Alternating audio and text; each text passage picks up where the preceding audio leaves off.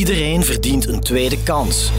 Het is een veelgehoorde uitdrukking, niet in het minst in de rechtbank.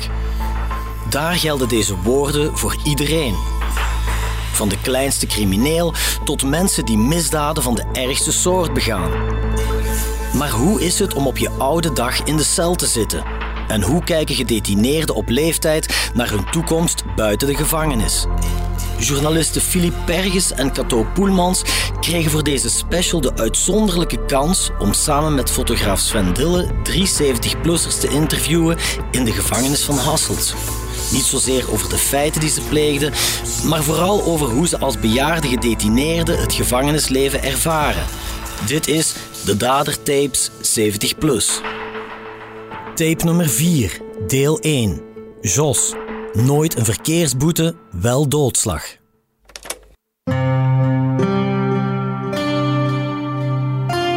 In België tellen we vandaag 11.200 gedetineerden. Zo'n 300 van hen zijn ouder dan 65 jaar. Behalve de seniorenvleugel van Merksplas is geen enkele gevangenis op oudere gedetineerden voorzien. Ook niet de high-security penitentiaire inrichting van Hasselt. Hier ontmoeten we Jos, Henk en Jean. Drie zeventigers die hun oude dag slijten achter de tralies. Ik ben veroordeeld voor doodslag. Ik ben dan niet fier op ook niet wat er gebeurd is.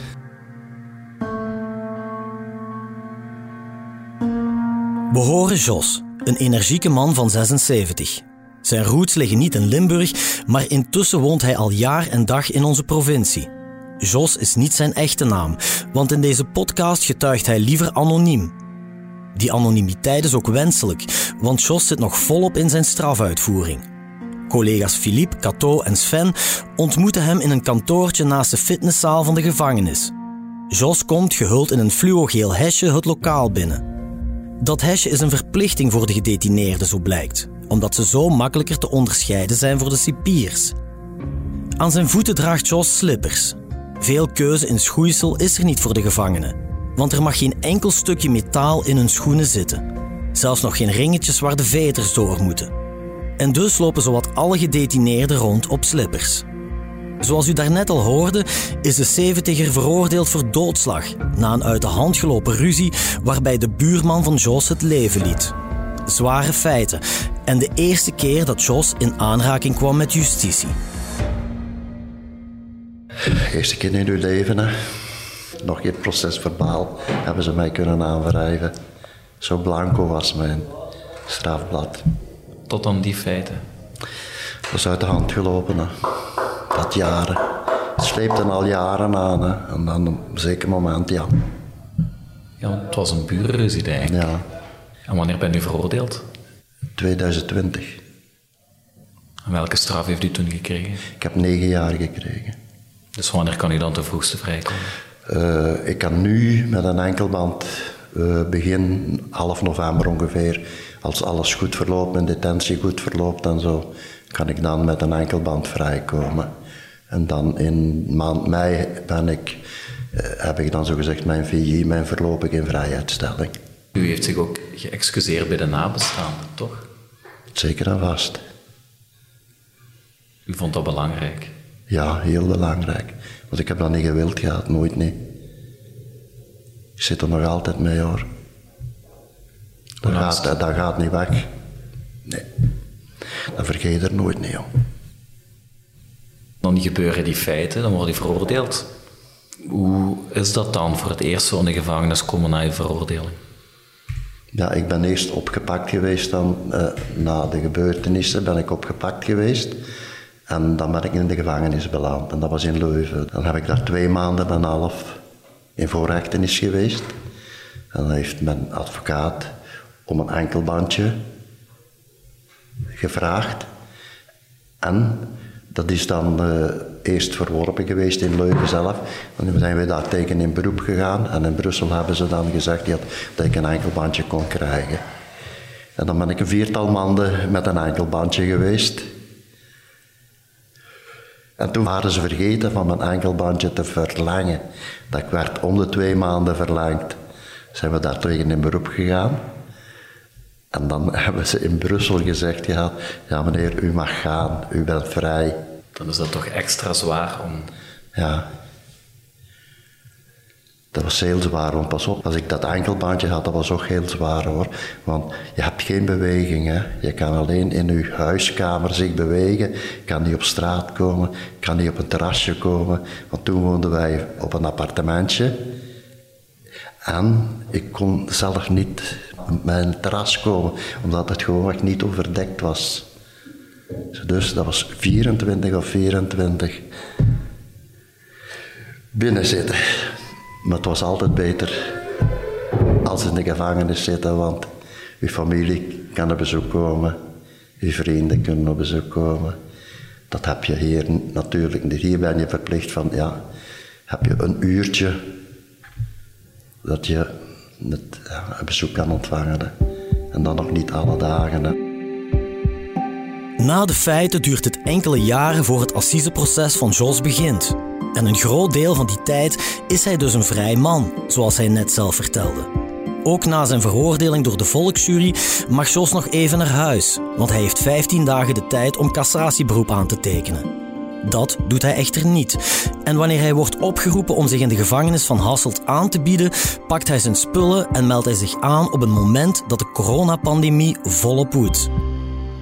Kan je dat dan beschrijven? Dus hoe die eerste dagen, dus u, u krijgt die brief, dan heeft u twee weken de tijd om zich aan te melden. Ja, ik wist nu toevallig wat ik kon meebrengen. En ik wist ook dat je hier tijdens de dag, zo gezegd, als je op cel zit, dan mag je je eigen kledij dragen. Nu heb ik ook mijn eigen kledij aan. Niet als geen gevangeniskledij die ik aan heb nu. Dat mag je dragen binnenin hier. Hoe, hoe heeft u dat die dag gedaan? Ja, afscheid genomen van de familie. En het was dan juist in de coronaperiode ook dat ik moest binnenkomen. En ik, ja, ik had er me eigenlijk op voorbereid, moet ik zeggen. U, ja, ik zeg, je kan je daarop voorbereiden. Ja, ik heb me gewoon mijn straf aanvaard. Ik heb die gezegd, ja, ik heb, ik heb iets gedaan. Ik heb die straf gekregen. Ik aanvaard dat, die straf. Ik moet zeggen, was het enorm moeilijk voor terug dat ritme op te nemen. Hè? Want ik was ondertussen ouder geworden. Hè? Toen, tegen toen het gebeurd was. Hè? Hoe ziet dat ritme eruit in de gevangenis? Kan u dat omschrijven? Hoe ziet de dag eruit? Hoe gaat het? Normaal gezien, normaal gezien om 7 uur 30, uh, nee 6 uur 30 worden wij gewekt. En dan komen ze met de koffie rond. En wat is dan de rest van de dag? Ja, dan kan je gaan douchen. We mogen drie maal de week uh, gaan douchen. En ja, je moet je eigen zaal poetsen, ook, drie keer in de week. Dus het hangt er vanaf. Ik heb vandaag dan uh, mijn zaal moeten poetsen, uh, omdat de linkerkant van de, de gang, die doen het op de oneven dagen en de op de even dagen. Dus zo een beetje opgedeeld. Dus. Ja, wat is dan? S morgens opstaan, ontbijten, u wassen, alles zelf doen, boterhammetjes maken, uw eigen koffie maken als je een koffieapparaat hebt. Moet je aankopen natuurlijk, want anders niet. Anders moet je de koffie drinken die zij u s morgens brengen. Alleen brengen. Je moet met een kannetje uw koffie gaan nemen aan de deur. En de dan, dan is het gedaan. Dan, normaal gezien hebben wij om half tien, dan is er uh, wandeling. En dat is van half tien tot kwart na elf dan. S'morgens komen we terug binnen. Ja, je frist je een beetje op. Dan is het middag, komen ze terug met eten. Wordt u eten aangeboden. Koud of warm. Meestal koud. En de namiddag? En de namiddag, ja, dan zit je opgesloten tot kwart na zes. Toch heel zwaar, niet? Ja, maar ik zeg het, de meeste tijd van de corona hadden we maar één wandeling op een dag. En nog een, een korte wandeling dan nog. Een uurtje, een uurtje en een half en dat was het. Dan hebben we, hebben we ook bij ons op de afdeling nog eens twee keer twintig dagen in isolatie gezeten, omdat er jongens waren die besmet waren, maar dat waren jongens die binnengekomen waren van buiten, ja, die dan uh, positief getest hebben. Ja, de ganse afdeling moest dan uh, in quarantaine. Als je dan negatief was, of niet, zat je ook in quarantaine. Ik heb zo twee keer geweest, twee keer dat ik negatief was. Ja, geen bezoek ook niet, hè? niks. Alleen een telefoontje dat je doen kan doen naar thuis. Hè? Ja, dus corona heeft het echt wel heel zwaar Heel, gemaakt. heel zwaar gemaakt, ja. Ik moet zeggen, dat is heel moeilijk geweest hier, want we konden niet buiten komen, had ik in wandelingen. We zat 24, 24 op een cel alleen. Ja, alleen. Ik, ik moest alleen zitten omdat wegens gezondheidsredenen. Dus heb ik nu ongeveer, ja, toch wel een 13, 14 maanden altijd alleen geweest op cel. Dat ik een, een, een monozaal had voor mijzelf. En dan nadien hebben ze die cellen zijn... Normaal gezien, het gebouw is hier gemaakt voor één persoon op een cel. Maar hier wordt, iedereen zit hier bijna dubbel. Met twee man op acht vierkante meter. En daar staan kasten in, staat toiletje in, staat uw bed dan ook nog in. Twee bedden als je bezet. Dat is aanpassen. Dat is aanpassen, ja. En is het dan extra aanpassen voor iemand van uw leeftijd? Ja, zeker. Want er wordt niks, eh, wordt geen rekening gehouden met uw leeftijd, hè. Totaal niet, hè. Zou dat moeten? Ik vind dat wel. Ik zie dat ook van andere mensen. Ik ben een van de oudste die hier is. Maar er zijn jongere mensen die veel minder nog, ik zeg, eh, ja, zo goed ben als ik. En er is zelfs een blinde man geweest. Die zat op cel. Als die buiten moest komen, dan ging niemand niet meer mee. Die moest maar zorgen dat hij buiten was. Hè. Op een wandeling of zo. Hè. Als de gedetineerden dat zelf niet deden, werd er niks gedaan. Hè. Kun je je niet voorstellen, hè? een blinde man. Alleen op cel. Vindt u ook dat ze u aan uw lot hebben overgelaten? Ik ben altijd opgekomen voor mijzelf. Maar toch wel, ja, ik zeg het gewoon, die rekening houden met uw ouderdom, dat is totaal nihil.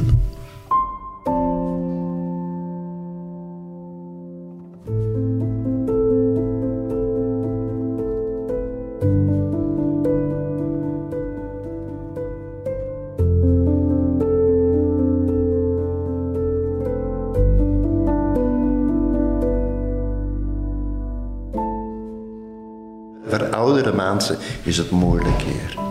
Ja, als ik u nu u zo hier zie zitten, met die slippers onder uw voeten, met dat fluo hesje, En dan denk je dat ik op vakantie ben. dan zeg ik iemand die Ja. s'avonds naar buiten mag. Naar buiten. Nee, nee, ik mag niet naar buiten toe. Hè. Maar dat hangt van uw persoon af ook. Ik ben een vierde persoon. Hou van netheid, ik hou van alles. Ik ben fier op mezelf. Maar zo lopen de meesten niet rond. Hè. En dan de gezondheidszorg, ja, daar moeten we het zeker niet over hebben. Hè. Hier de gezondheidszorg. Wat is het probleem dan? Ik kan ergens naartoe, hè.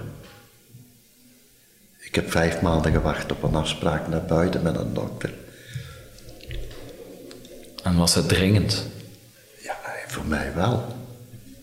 Want ik kan me voorstellen bij oudere mensen dat de dokter wel eens vaker nodig is. Ja. Maar ik probeer zo min mogelijk naar de dokter toe te gaan. U heeft wel kwaaltjes. Ja, ja. Mag ik vragen welke? Jawel, ik heb uh, slaapapneu. Nu had ook Ik heb nieuwe... uh, slaap echt, niet snurken of ik heb echt slaapstoornissen. Vergeet te ademen en zo. Ik slaap altijd met een masker op ook, ja. Dat is... Ja, de omstandigheden zijn. Ja. Ja, twee knieprotheses ook nog. Twee. Dus u bent wel iemand die wat zorg nodig heeft. Ja. Dus daarom dat ik begrijp dat soms niet, dan wordt je de vraag gesteld, hè, wil je vrijwilligerswerk gaan doen? Ik zeg, ja, ik zal naar een bejaardentehuis gaan. Ik zeg, maar dan ben ik goed genoeg voor daar te zitten ook al bijna. Stel je voor. Ik wil dat wel doen, hè. Ik heb er geen problemen mee. ik moet zeggen, mijn gezondheid is sinds ik hier in de gevangenis heel hard achteruit gegaan. Gebrek aan buitenlucht of Gebrek aan beweging en buitenlucht. je bent jaren ouder geworden hier? Ja, echt. Ik voel dat zelf, hè. Ik voel dat ik morgens uit bed kom. Als ik slapen ga, dat voel er. Ik voel dat in de dag. Anders ben je de ganse dag... Ja, ik was nu echt nog actief. Hè, want ik, het was niet dat ik de ganse dag in mijn zetel zat. Ik was ofwel bij de zoon bezig in een tuin, of bij mij. Ging er eens wandelen, ging er eens fietsen. Dat is allemaal weg, dat. En daardoor, pas op, op een bepaalde ouderdom word je dat wel gewaar hoor. Dat is tegen een jonge mens is het totaal anders. Ik zeg dus, ik vind dat daar rekening moet mee gehouden worden ergens. Maar dat, dat gebeurt niet. In de gevangenis ben je zowel een jonge als een oude is juist hetzelfde. Want een merksplas, de gevangenis, daar hebben ze wel een, een afdeling voor senioren, blijkbaar. Ik weet het. Had u liever daar gezeten? Misschien wel. Maar ik heb voor de familie gedaan gehad dat ze niet zo ver zouden moeten op bezoek komen. Ik zeg, dat was nogal moeilijker. Ouder worden in de gevangenis. Het is niet evident, zo vertelt Jos. Anderzijds is het wel zo dat de medegedetineerden een bepaald ontzag tonen voor de vaderfiguur die Jos blijkt te zijn. Ook al is iedereen op de hoogte van de zware feiten die hij op zijn geweten heeft. Wordt er met een zeker respect naar de ouderen gekeken? Of, of, of doet dat er niet toe? Of is het de aard van de feiten die gepleegd? Nee, toch niet. Nee, nee, nee, toch niet. De aard van de feiten niet. eh daar wordt niet hen gekeken door de gevangenen. Nee, De- die zijn daar heel tolerant in, moet ik zeggen. Wordt er over gepraat? Er wordt over gepraat ook. Hè. Het liefst weet iedereen wat hij gedaan heeft. Niet dat stiekem gedaan, niet. Dat vinden ze maar niks. Iemand die stiekem heeft, dat is iets heel verdacht dan. Je kan beter zeggen, ze, dat zijn de feiten die er geweest zijn, en dan aanvaarden ze of niet. Want ik heb er geen probleem mee gehad. En het is niet zo dat er mensen zijn die meer te zeggen hebben dan de anderen, omdat ze bijvoorbeeld ouder zijn, of dat doet er niet toe. Ik zeg het, de meeste gevangenen hebben eh, heel veel respect tegenover mij. U bent misschien een beetje hun vaderfiguur soms. Ja, opa wordt gezegd hè, tegen mij. Echt waar. Zijn veel mensen die mij opa noemen, hè. Vooral de jongeren, hè. Maar ze mogen u opa noemen, dat vind ik geen probleem. Nee, nee ik ben er fier op. En kleinkinderen zeggen dat ook, hè. Komen ze dan om raad vragen misschien? Soms wel, ja. Dan zeggen ze, opa die weet dat, hè. Laat maar vragen. Want u heeft nu natuurlijk ten opzichte van hen heel veel levenservaring. Ja. Ik hoop dat ik er veel op de correcte pad kan helpen. Probeert u dat ook misschien? Ja. Omdat ik nu, ik zeg, jongens, kijk eens wat ik nu op mijn, echt, ik zeg op mijn leeftijd nog moet meemaken, vergeet dat niet, hè. Ik zeg, het leven is zo mooi buiten, hè. Ik zeg, probeer er wat van te maken, hè. Zeg, ga echt iets totaal anders doen als we nu bezig zijn, hè. Ik zeg, want ja, je weet niet wat ze missen, hè. Nee. Nee, want er zijn jongens hier. Dat zijn misschien dertigers die hier al eh, alles tezamen tien jaar in de gevangenis gezeten hebben en alles van hun leeftijd. Dus niet dat u hier een betere mens wordt. Nee. Slechter mens. Het is geen reclame voor een gevangenis, maar u heeft natuurlijk wel feiten gepleegd waarvoor u gestraft moest worden. Ik bedoel, over het algemeen. Hier heb je de meeste connecties die er zijn. Hier worden afspraakjes gemaakt, dat weet je zo. Je moet niet in het milieu zitten, maar hier kom je onmiddellijk in het milieu terecht.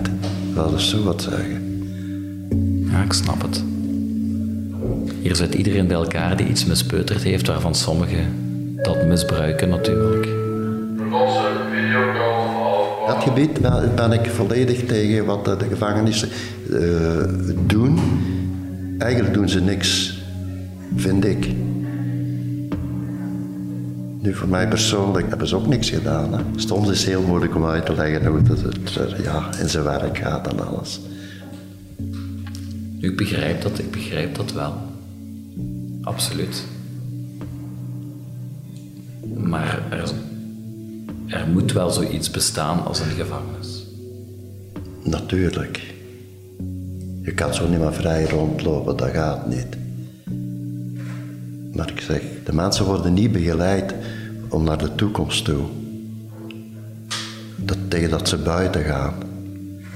Totaal niet voorbereid. Je wordt van vandaag op morgen gewoon op straat geduwd. Dus wie geen vangnet heeft, zoals u, die belandt heel snel terug. Ja. Zeker mensen die buiten niets hebben, of bijna niets, en die geen steun hebben, die belanden heel vlug terug in de gevangenis.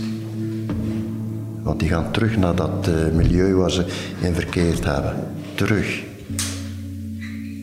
Dat zijn jongens die buiten geweest en binnen een paar maanden zitten die hier terug opnieuw. Die vallen gewoon terug in eenzelfde ritme. Goed begeleid worden naar een nieuw leven in de maatschappij. Het is iets wat veel gedetineerden als een gemis ervaren. Anderzijds, hoe ziet zo'n toekomst buiten de gevangenismuren eruit voor iemand van 76? Wat ik me dan ook afvraag, want u zit hier dan, denkt u er wel eens bij na van ik had, ik had mijn pensioen kunnen vieren thuis? Ja, ik was op pensioen. Ik zeg, we gaan rustig genieten van een pensioen, ik en het vrouwke. Dan gebeurt er zoiets. Maar het kan nog. Kan nog, ja, ik hoop van wel. Ik heb die hoop, ik, ik zeg, ik hoop erop binnenkort terug te zijn. En ik zeg, de steun die ik heb van buitenuit, die is enorm. Want als ik die niet had, dan, uh, nee, dan, zou, dan denk ik niet dat ik het zou zien zitten. Mijn ouderdom, nee. Want dan komen er wel gedachten bij u op, hoor. Vanwege de ouderdom dan? Zeker vanwege mijn ouderdom, ja. Waarom? Wat is het verschil met een jongere gevangen dan? Een toekomstperspectief? Ja, vooral dat. Uw toekomst. Uh, want als je nu zegt, mijn ouderdom, nu, is het, nu heb ik, hoop ik dat ik na mijn een derde kan vrijkomen. Is dat niet het geval, ja, dan weet ik het ook niet meer hoor. Hoe het dan zou verder gaan. Dan, dan heb je niks meer. Hè. Wat ga ik doen? Ja, dan, dan, je hier aan het uitleven. Hè. Sta je soms bij stil van, ik zou hier kunnen sterven in de gevangenis? Ja, zeker. Dat zou zeker kunnen. Want u zei juist... Ja, maar ik, ik zeg maar, dat moet je boven gaan staan. Hè. Ik zie dat ook van mensen en jongens die jonger zijn dan ik, die niet die, die moed hebben, of, of, of moet ik het juist zeggen, die die wil niet hebben om te zeggen, ja, ik mag toch nog naar huis toe gaan, ik wil toch nog een toekomst hebben. Hè. Er zijn genoeg jongens die geen toekomst hebben, dan gewoon niet. Hè. Die komen buiten en binnen de kortste tijd zijn die terug hier. Hè. Maar u gaat niet meer naar hier komen? Ja, nooit meer. Mag je zeker van zijn. Nooit meer. Nee, echt. Wat is het, als u vrijkomt, wat is het eerste wat u van plan bent om te doen? Thuis gelukkig genieten. Ik en het vrouwke met, met de zoon en de kleinkinderen. Tijdje terug voor op mijn positieve te komen. En dan is samen op vakantie te gaan. Dat is wat ik nog wens. U ziet hem nog elke week ook? Ja. Ja, ja. En dat houdt u waarschijnlijk Ja, ook... natuurlijk, natuurlijk. Er zijn misschien mensen die minder geluk hebben dan u. Ja, ik zeg het, ik heb enorm veel geluk. Ik zeg, niemand van mijn vrienden heeft mij laten vallen. Niemand niet. Familie niet, niemand niet. Maar u heeft natuurlijk wel enorm veel spijt over het. Natuurlijk. U bent jaren kwijt. Ja, Ik zeg eigenlijk de, de mooiste jaren die ik met mijn vrouw nu ja, die hebben moeten missen nu. Ja. Ik hoop dat die terugkomen. Maar ja, ik heb iets gedaan gehad en dat zijn de gevolgen daarvan. Ik hoop dat die zo vlug mogelijk terugkomen. Dus ik kan nu al eens met verlof gaan af en toe. Dus al eens buiten. En dat uh, gaat toch wel... begint meer hoop te krijgen. Hè.